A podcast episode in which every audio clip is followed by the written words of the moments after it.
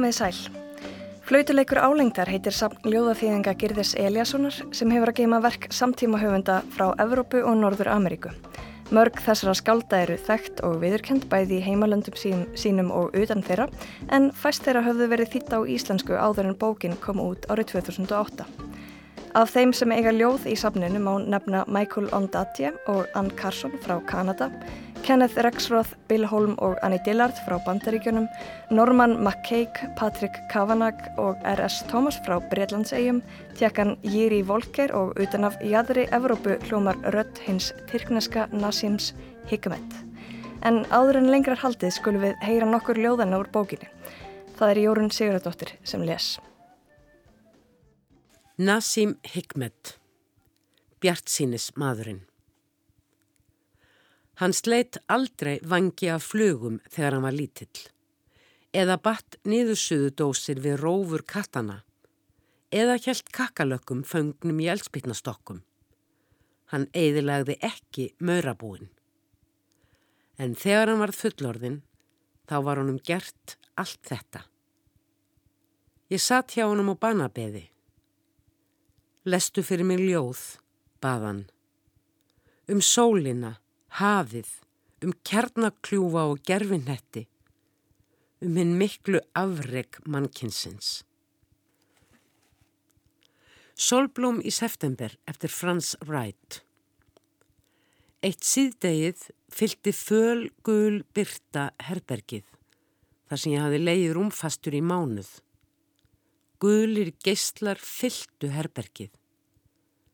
Ekki láta þá komast inn í augun þín sagði skuggallið mín, og verpa eggjum sínum þar. Byrtan fyldi herbergið. Byrta sem ég álíktaði að kæmin um gluggan, en nei. Fremur tilfinning. Þó líka byrta. Lækning. Og ég sá á ný solblóm í september. Krónublöðin æpandi gulir logar barnatekning af sólinni. Risastórt, bjart, andlit, þandir augasteinar og ég elskaði á ný og gekk á ný. Anni Dillard, orð við tóna úr lírukassa. Vektu mig brandur og segðu þegar að sólinn sest að þér þykir væntu mig og vertu til fóta í rúmi mínu framundir morgun. Allt sem ég þarnast er dáli til huggun. Og tíu dólar að seðil í skónu mínum, líkjástreitill með kaffinu. Og þú, gamli morgun göldrari, gamli drúíti, þú setu stofu svefnpurka. Ort á andartaki eftir Aram Sarojan. Dóttir mín er lifandi, eins og ég er lifandi, eins og konan mín er lifandi. Við öll á sama tíma. Söngur Kúrekans eftir Ted Berrigan. Ást konu er eins og morgundögin. Hún getur allt eins fallið á glampandi hrossatað og Rós. Ted Berrigan, hún. Hún er alltaf tvö blá augu. Hún er aldrei fjarlæg í svefninum. Allir draumar hennar eru byrta og heiminn sem stundum bræða sólina.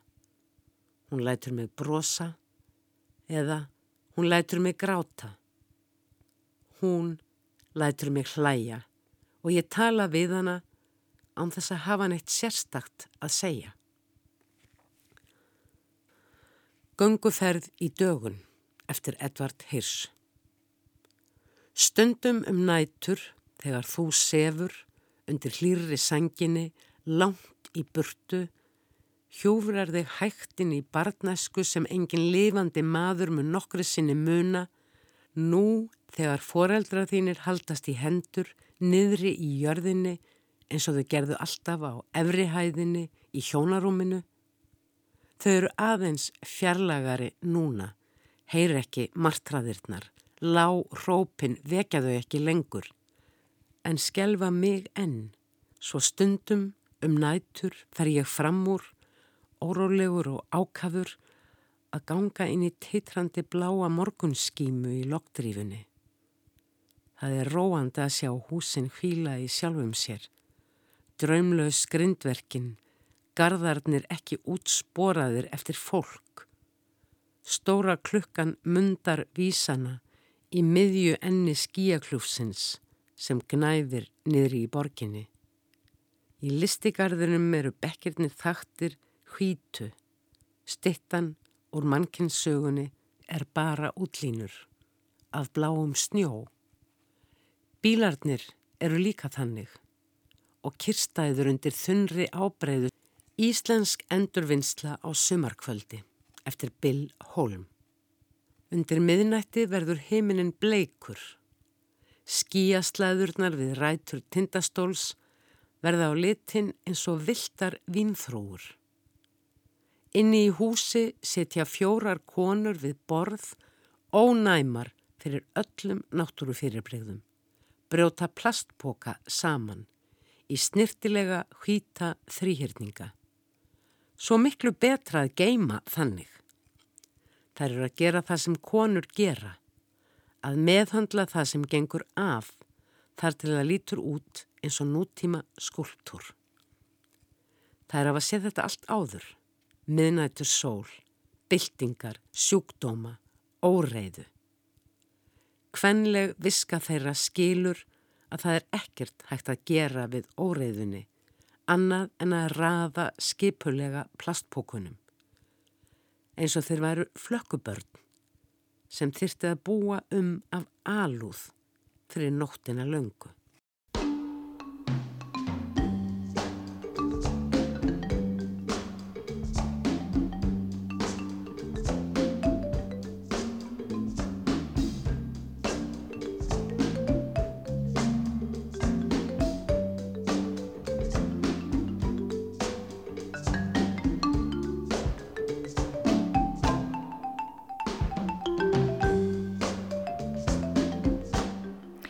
Þess að ræða ljóðasafnið Flautuleik álengdar eru hinga komin þau Ásta Kristín Benediktsdóttir, íslensku og bókmyndafræðingur og Magnús Sigursson, ljóðskald og ljóðaþýðandi.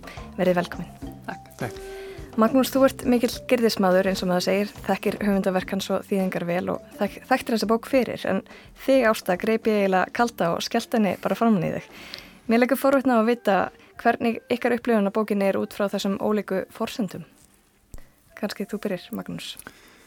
Já, ég bjó Erlendist þegar þessi bók kom út og, og fekk hann að senda og, og þó að þetta séu þýðingar þá lesmaður lesmaður eh, ljóðin sem íslensk ljóð í raun og veru. Eh, hvort að það sé sögum þess hversu vel gerði tekst til eh, jú, það hefur eflust einhvern þátt í því en En ég er svona þeirra skoðunar að, að þegar búið er að þýða bókmyndaverk yfir á, yfir á íslenskt mál þá séu þau í raun og veru íslensk bókmyndaverk. En það sem gerði tekst er að það er yfir mörgum þessara ljóða gerðislegur blær. Uh, jafnvel skáld sem eru talsvægt ólíkonum eins og bandarækjamenninir Karl Sandburg og, og Billy Collins sem eru svona menn hins eh, hins svona eh, þetta eru, eru marg orðir og umfangsmiklir. En gerðir finnur í þeim einhvern hárfínan ljóðurænan og myndrænan tón smáljóðsins sem hann hefur einmitt sendt svo vel sjálfur í sínum, sínum verkum. Þannig að hann, hann kannski eh, vilur þessi ljóð út frá, já bara hjartanu. Já, ég held að það með ég segja, segja það og og næra að gera þau að sínum mm. sem er kannski aðhalsmerki góður að þýðanda. Já, hvað segir þú Ásta, hvernig voru þín fyrstu viðbröð við, við bókinni? Ég um, hafði ekki lesað hana, um, hafði heyrst afennurindar held ég en ekki lesað hana uh, allavega ekki í, í heild og ég tók hana bara, ég mynd núna fyrir nokkur dögu síðan og ákvað bara að byrja að lesa án þess að kynna mér hana nokkuð í raun og veru að ég held að sé ágætt að gera það stundum að þegar við lesum íslensk bókmyndaverk þá vitum við yfirleitt eitthvað um höfundina að við byrjum og, og, hérna, og það lítar alltaf á einhvern náttu upplöfun manns af verkonum það sem maður veit um höfundin en þannig gæti ég bara, ég vissi náttúrulega ímislegt um girði en þannig gæti ég bara tekið upp bók og byrja að lesa og, og leift ljóðanum að hafa þau áhrif sem þau höfðu bara út af fyrir sig. Um, það áhugaverði við þessa bók uh, ég er ekki að segja þessi sérstakt en það er áhugavert að það er engin ingangur þannig að Það eina sem maður veit þegar maður byrjar að lesa er um, að þetta er samt ekki saman af girði og girði þýðir. Og svo sér maður nöfnin á, á ljóðskóldanum svona fyrir ofan hérna ljóðin.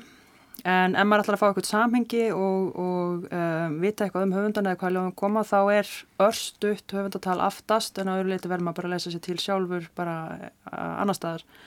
Þannig að það er hægt og raun og veru er býðubókinu upp og það að maður lesa sér ljóð algjörlega um, samhengislaust og það er bara mjög gaman, það er, ég var hrifin að mörgum, ekki öllum. Þetta er náttúrulega mörg ljóð, það eru 120 eða 30 og, og það hefur svona mísefna áhrif áhrif á mig, en mörg mjög góð og, og einmitt, maður skinjar í þeim svona gerðist tóndaldin. Uh, það hljóma kannski yfirborslegt að slengja svoleiðis um, fram, en það eru svona ákveðin tilvist að þeim í sér bók uh, um döðan og mannin og, mm. og hérna, og annað sem að hljóma kunnulega En þú talar um að segja engin engangur og engin kynning á skaldunum þannig að brú lesandans er óhjákvæmulega gerðir.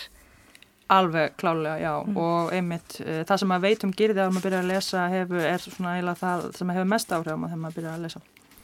En, en það er líka áhugavert að, að veit ekki mikið um, um höfundina og, og kannski heitlast óvænt af e, óþægtum höfundum og, og það er kannski það sem þið lendið í. Já, það er alveg, allavega fyrir mína parta algjörlega. Mm. Já, svo sannlega uh, Irving Leighton er einn af þessum höfundum Kanadamæður sem fættist í Rúmeníu uh, Gýðingur og, og skrifar hefur skrifað mikið um, um þær þjáningar sem, sem Gýðingaþjóðin hefur mátt, mátt þóla varðandi, varðandi bókina sem slíka og að hún sé kannski ég, ég myndi ekki segja samingislaus og uh, að einhver leiti er kannski fyrsta ljóðið ákveðin engangur og því líkur á, á þessum línum eftir, eftir, eftir bandaríska ljóskaldið og rítkjörahöndunum Vendel Berry. Hann laud neður og drakk í undirgefnum við jörðina.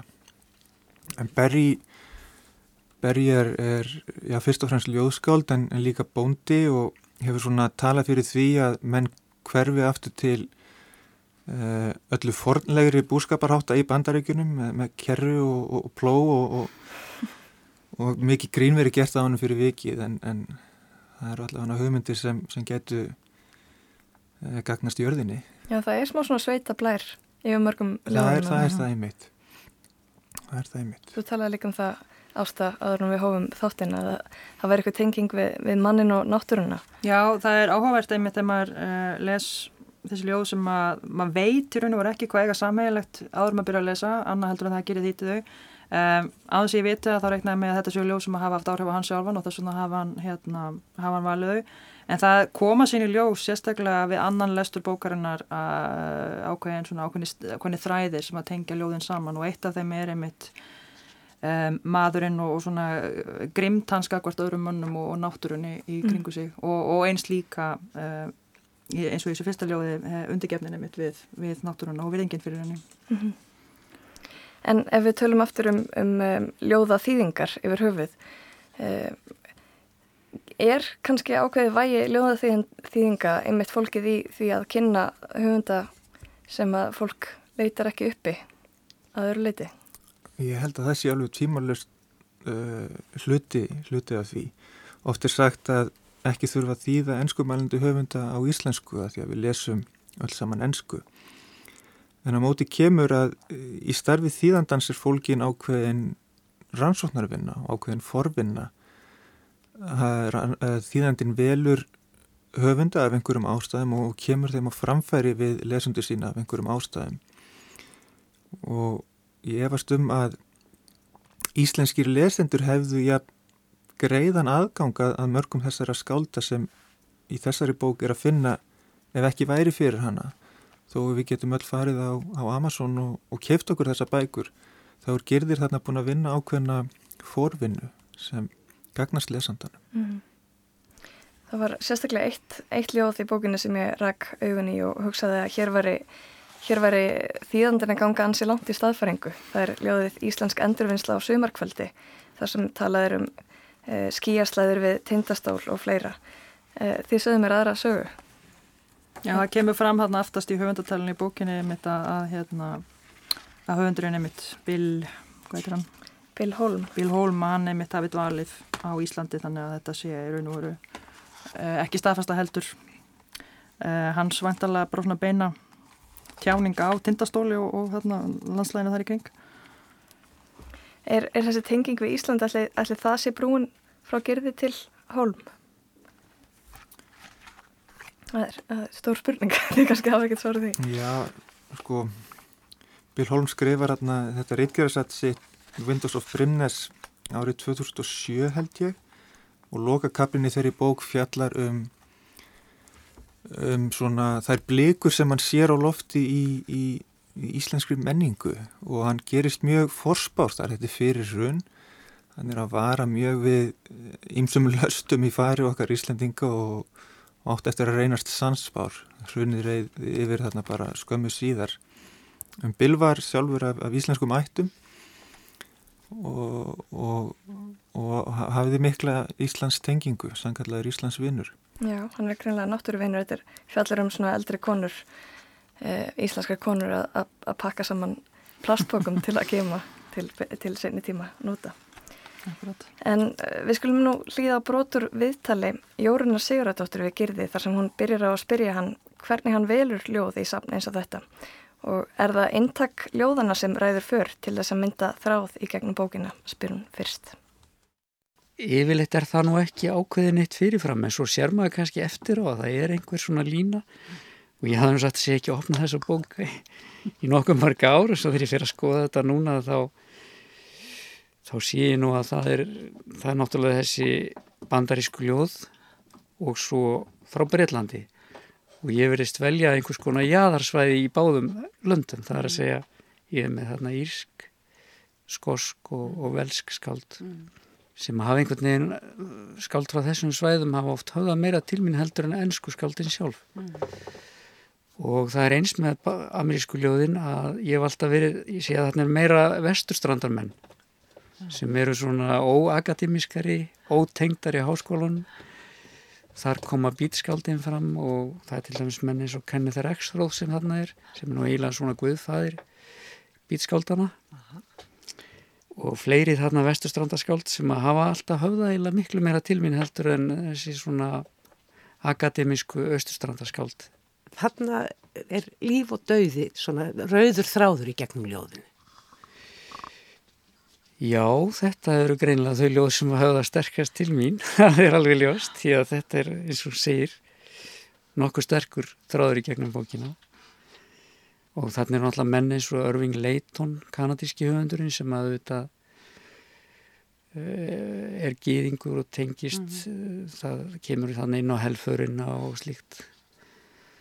Og ég er svo sem hef ekki beint ástæðu fyrir því hvernig það vildi þannig til að það raðaðist svona í þessa bók en, mm. en, en svona er það Form og innihald ljóðs eða öllu heldur kannski form og stemning þetta verður þetta alveg saman Já, ég held sko af því að þetta er nú þannig að ég þýði engungu ljóð sem að ég vel algjörlega sjálfur og mér finnst henda mér og minni skapgerð þá er þetta ég vildi ekkit vandamála þetta er eitthvað sem fellur saman. Mm. Þessi ljóð grýpa mig alveg bæði að formi og innihaldi og kalla á að ég snúi þeim og þá kemur þetta eiginlega eins og sjálfu sér að það fái það form sem að innihaldið á íslensku. Girðir segist ekki hafa hugsað um þráði gegnum ljóðin fyrir en eftir á og raunar ekki fyrir nú áttunum síðar.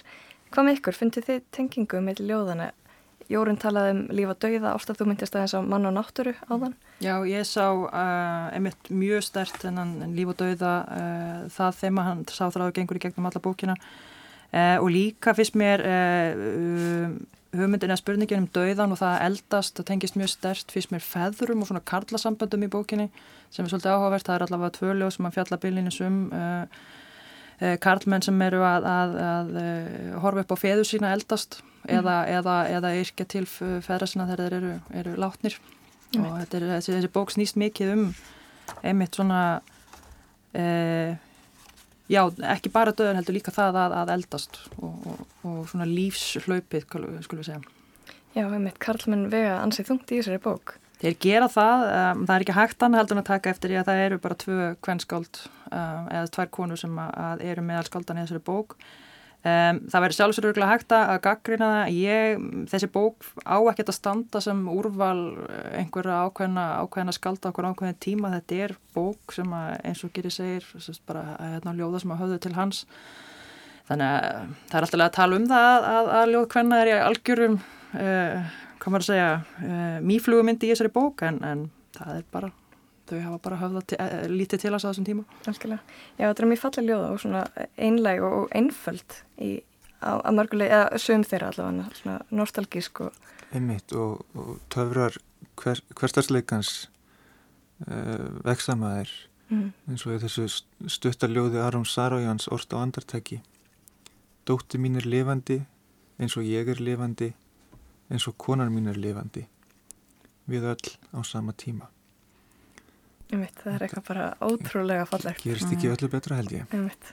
og bara einhvern veginn að, að, hérna, að viðkynna þetta andartak átt að segja á því er já eh, en þú Magnús fannst þú einhvern þráði gegnum bókina sem að sló þig? Já, það væri helst þessi töfrandi hlýja jafnvel jafnvel hins grámúskulegasta hverstags mm. Sem sem og þessi undarlega geta ljóðlistarinnar til þess að samena harmmannsins og gleði. Að oft fer þetta saman eh, eins og, eins og þetta séu að, að, að hvort byggi á, á öðru á, á einhvern hátt.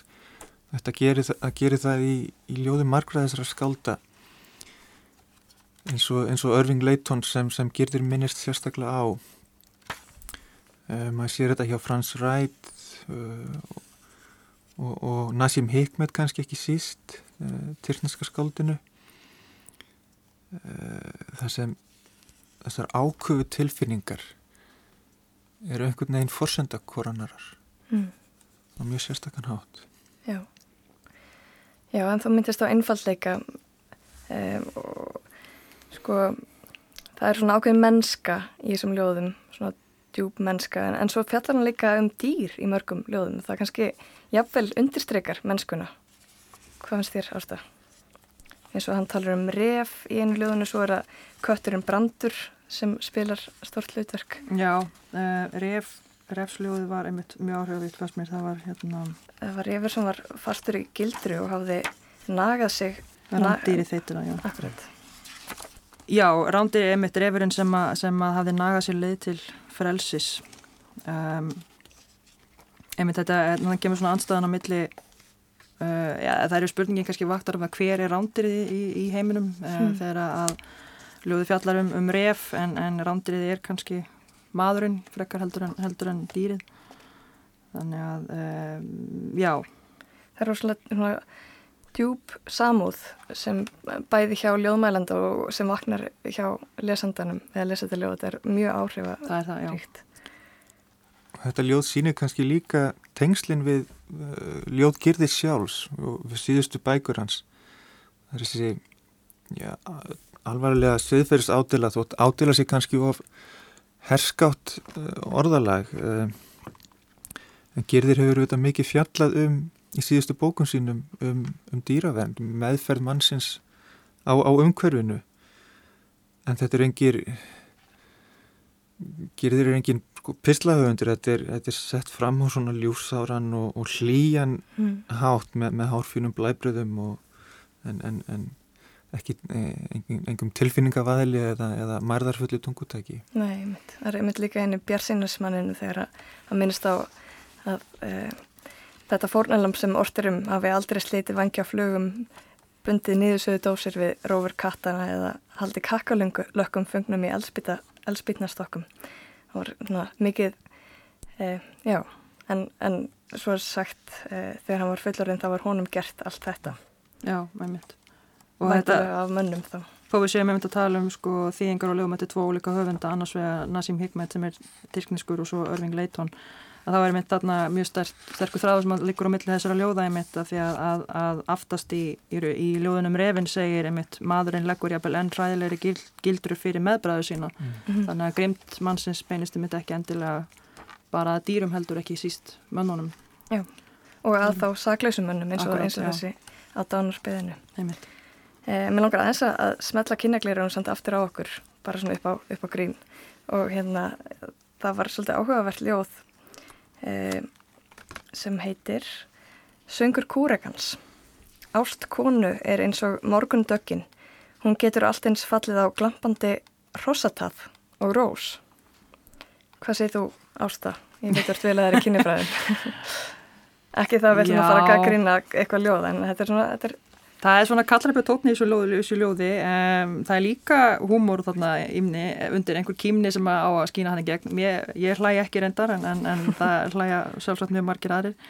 En það sem er áhugavert er um þetta ástin er um þetta bara alls ekki fyrirferða mikil í þessari bók, uh, ekki, allavega ekki ást, uh, svona romantísk ást maður svo konu. Þannig að þetta er svona að þýliti til á stingur þetta ljóð aldrei í stúf, finnst mér. Þetta er svona, hérna, og, og einmitt ljóðin þó þau séu sko kallæg skulum við segja og fjalli mikið um einmitt svona ka kallasambönd þá eru þau ekki þau eru ekki kallarumbulega fyrst mér Nei. almennt, alls ekki þannig að þetta ljóð stingur svolítið í stú fyrst mér hvað það var þar Akkurat. Já, það er mikið fjallað um, um kannski svona ástir karlmanna á öðrum karlmennum, uh, svona platónst, Já, Vin, vinasambönd og, og slíkt. Mhm. Hvað segir þú, Magnús, um, um, Jú, um það? og, og feðgasambund Akkurat, mjög ábyrgandi já mm mitt. Það er, það er kannski svolítið eins og ljóðmælendin sé svona suðuríkja kallmaður, svona einfaldur maður sem að elskar náttúruna og, og, og finnur líkingar í rosataði. Já, eins og Girði segir sjálfur í, í viðtælinu þá verist hann laðast fremur að, að versturstrandarskáldunum og, og þá sveitaskaldum fremur en, en þeim sem hafa, hafa gert sér heimkynni í borgunum, í stórborgunum Mm. og maður finnur það svolítið að, að ljóðmælendur þessara ljóða eru þeir eru ekki borgarmenn Mm. ekki, í fæstum tilvíkum eru þeir það held ég En þau, þessi ljóð eru mitt mjög aðgengileg. Er, svona, það er auðvelt að heillast það en maður þarf ekki að vera svakalega vel lesin eða, eða vel aðsér til þess að, að svona sökka svolítið inn í því. Það notur ekki flóknar vísanir eða líkingar.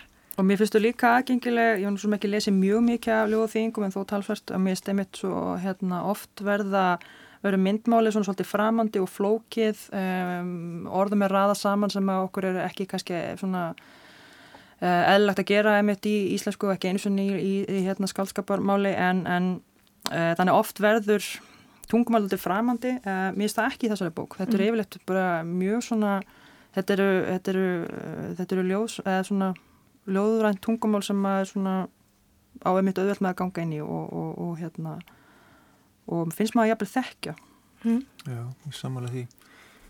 Girðir kemst mjög nærri hverstarslegu tungutæki á þess að það verði flatneskilegt.